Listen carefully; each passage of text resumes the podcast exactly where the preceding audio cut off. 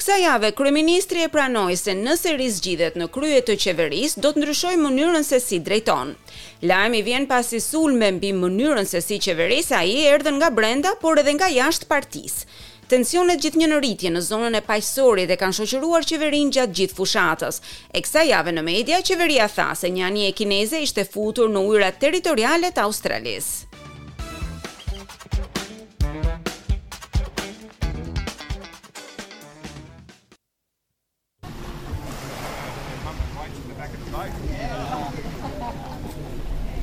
Në brigjet e Cairns gjendet një pjesë e vogël e parajsës australiane. Aty pothuajse mund të harrosh se vendi është në javën përfundimtare të fushatës zgjedhore. E ndërsa lideri i opozitës, Anthony Albanese, mbriti në këtë zonë për të bërë një njoftim financimi me vlerë miliona dollarësh për Great Barrier Reef, me fokus në rritjen e bashkëpunimit me popullsinë lokale të kombeve indigjene. Ai tha se financimi do të shkojë drejt restaurimit të zonës, por kërcënimi më i madh mbetet ndryshimi i klimës.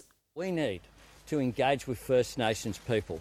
They have knowledge that has been built up over sixty five thousand years. Duhet të angazhohemi më tepër me popullin indigjen. Ai ka njohuri i cili është ndërtuar mbi gjashtëdhjetë e pesë mijë vite, si të mbrohet, si të kujdesemi për tokën dhe për ujin. Landcare Rangers si program ka të bëjë me krijimin e vendeve të punës, ka të bëjë gjithashtu edhe me mbrojtjen e mjedisit, deklaroi ai. Por jashtë vendit shtrihet një kërcënim tjetër. Ministri i Mbrojtjes Peter Dutton tha kësaj jave se në ujërat australiane është parë një anije spiune kineze, të cilën autoritetet e kanë monitoruar prej një jave. Anija ka lundruar në zonën ekskluzive ekonomike të Australisë. It's a Chinese warship with an intelligence gathering capability. It's obviously very strange that it's come this far south. Është një anije luftarake kineze me aftësi për mbledhjen e inteligjencës. Është padyshim shumë e çuditshme që ka ardhur kaq afër jugut dhe pranë vijës bregdetare, ndërkohë që tani është drejtuar në veri. Qëllimi i saj do të jetë mbledhja e sa më shumë inteligjencave elektronike. Edhe pse kaloi pranë një qendre komunikimi detar pranë Exmouth, rreth një mijë kilometra në veri të Perthit, qeveria thotë se qeveria kineze nuk i ka lajmëruar autoritetet australiane rreth anijes. Scott Morrison thotë se anija është e lejuar të udhëtojë në këtë zonë, por shfaqja e saj ishte diçka shumë e pazakontë.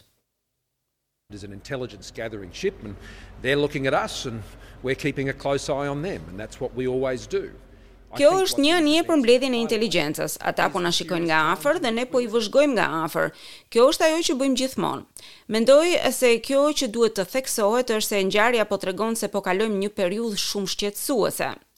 Laburistët thonë se nuk janë të informuar në lidhje me statusin e anijes, pavarësisht se zgjedhjet teknikisht e kanë lënë vendin pa qeverisje.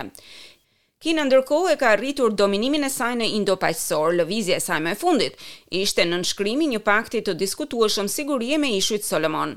Ministri i Jashtëm i Tajvanit, Joseph Wu, ka folur ekskluzivisht për SBS dhe thotë se autoriteti i Kinës vazhdon të zgjerohet në të gjithë Paqësorin, duke çuar kështu në mungesë qëndrueshmërie në këtë zonë.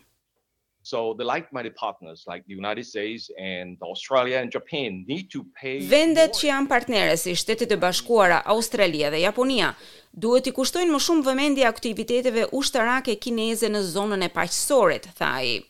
Koalicioni ndërkohë është përballur me kritika në lidhje me mungesën e reagimit ndaj Paktit të Sigurisë, i cili shpesh e ka lënë në hije pjesën tjetër të fushatës.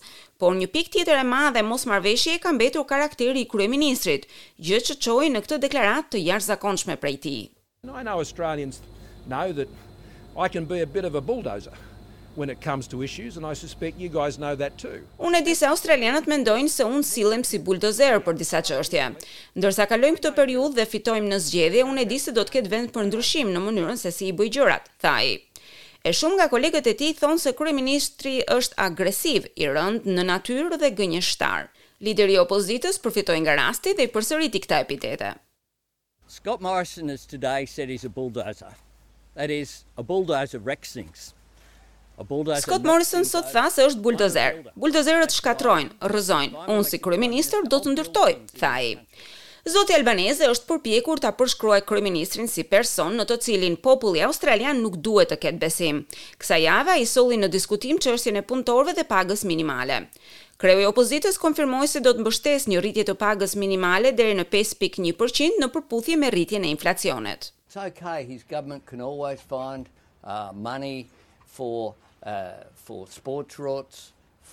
Kjo qeveri gjithmonë gjen fonde për korrupsionin në sport, për parkingjet e makinave, por nuk gjen asnjë dollar në orë si rritje page, tha ai.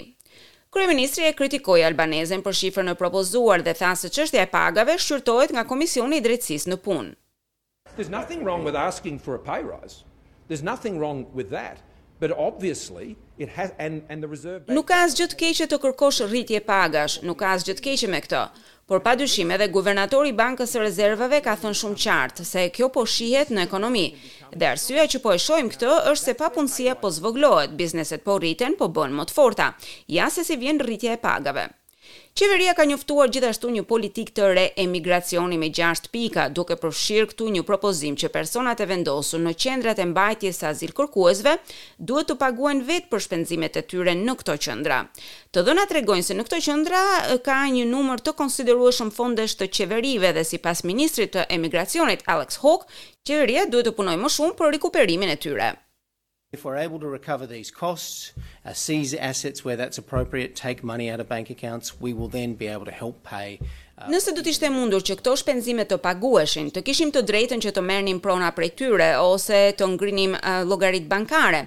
Do të ishim në gjendje që të përzinim nga vendi më shumë kriminelë ose persona të cilat kanë shkelur kushtet e vizave, tha ai. Siguria kombëtare ka qenë një pikë e fortë për qeverinë, por kjo politikë e mbytur nga njoftime të tjera mund të mos bëjë aq shumë se sa shpreson koalicioni.